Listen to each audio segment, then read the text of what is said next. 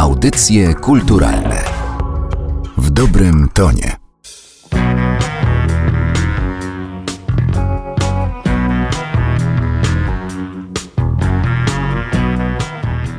Zespół WW Wojciecha Waglewskiego w połowie lat 80., gdy zaczynał, był grupą eksperymentalną i tworzącą muzykę raczej skomplikowaną dla koneserów. Ale poza tym nurtem głównych płyt pojawił się pojedynczy utwór, nim stanie się tak, jak gdyby nic nie było, który został skomponowany w konwencji dosyć radosnej, optymistycznej, chociaż jej korzenie były zgoła inne, związane z tragicznym wydarzeniem, jakim była katastrofa w Czernobylu, do której doszło pod koniec kwietnia 86 roku. Wojciech Waglewski wspomina, że była to bezpośrednia inspiracja i że właśnie stworzył stworzył to w kwietniu, co pewnie nie było możliwe, bo wiadomości na ten temat docierały do nas z opóźnieniem, więc możemy mówić maj 86 roku.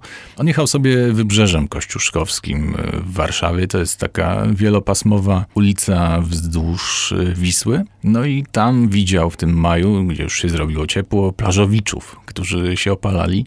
Wiadomo, że było Czarnobylu, więc pomijając fakt, że tam jest dosyć zadymiona sytuacja, bo mamy do czynienia jednak z drogą wielopasmową,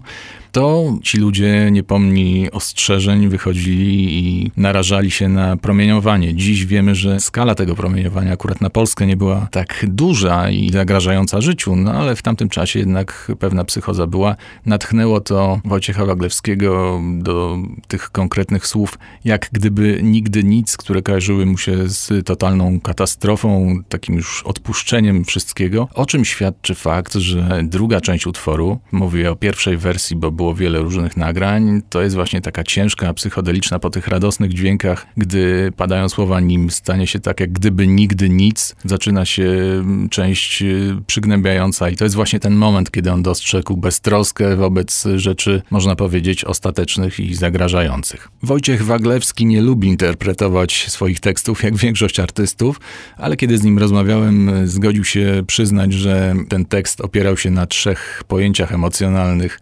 Zima, zima, która musi minąć, czyli coś złego i brzydkiego, słońce jako coś radosnego i pogodnego, co wkroczy, no i to jak gdyby nigdy nic, o którym już mówiłem. A możemy też dodać tutaj wątek rumu, który to alkohol pojawiał się w tekście nie tylko tym u Wojciecha Waglewskiego, bo on czuł, że w polskim rock'n'rollu brakowało wątków alkoholowych, co było trochę hipokryzją, bo wiadomo, że za kulisami działo się pod tym względem dużo, natomiast w tekstach niewiele i on postanowił to wyciągnąć na światło dzienne, ale oczywiście nie w jakiejś formie radykalnej, tylko kulturalnych szklaneczek różnych trunków, więc wprowadził to właśnie w tym utworze i być może był to przełomowy pod tym względem kawałek. Później, jak mówię, wracał ten wątek w twórczości Wojciecha Waglewskiego wielokrotnie. Natomiast cała wcześniejsza część utworu to jest jednak rzecz radosna. On wspominał, że w dosyć nietypowych skalach utrzymana, bo my tutaj w części naszej świata i w muzyce rockowej stosujemy raczej raczej skalę bluesową, a on sięgnął po latynosko-radosną, która też wiązała się z faktem, że główny motyw tego utworu powstał nie z gitary, tylko z riffu saksofonu, który Mateusz Pospieszalski zagrał. Wojciech Waglewski podłożył pod to akordy, no i było to jak na nich. Jak już wspomniałem, to była grupa naprawdę lubiąca komplikować. Ta pierwsza część była absolutnie prosta i nietypowa w jakimś sensie. Myślę sobie, że ta zima kiedyś musi minąć Zazieleni się. Urośnie kilka drzew. Niedojedzony chleb Zdąży w ustach się rozpłynąć. A niedopity rum Rozgrzeje jeszcze krew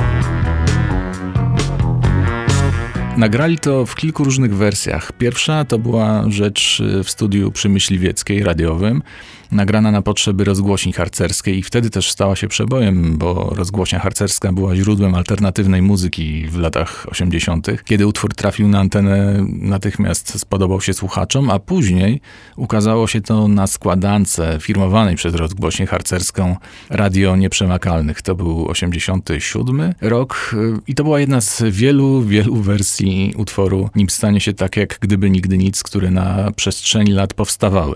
Już niedługo później zespół nagrał wyłącznie gitarową wersję. Akurat saksofonista nie dojechał na sesję, która ukazała się jednak nie w końcu lat 80., tylko dopiero na początku 90., bo materiał po prostu przeleżał na albumie Zespół Gitar Elektrycznych.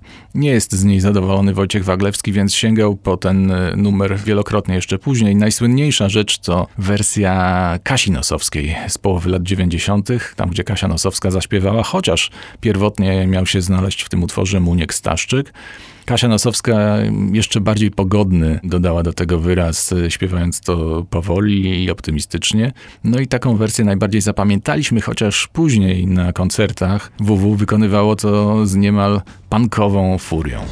Choć mało rozumiem, a dzwony fałszywe Coś mówi mi, że jeszcze wszystko będzie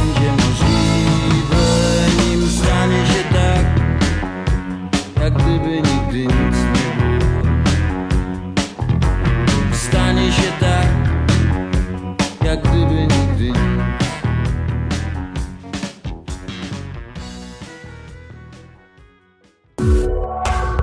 Audycje kulturalne. W dobrym tonie.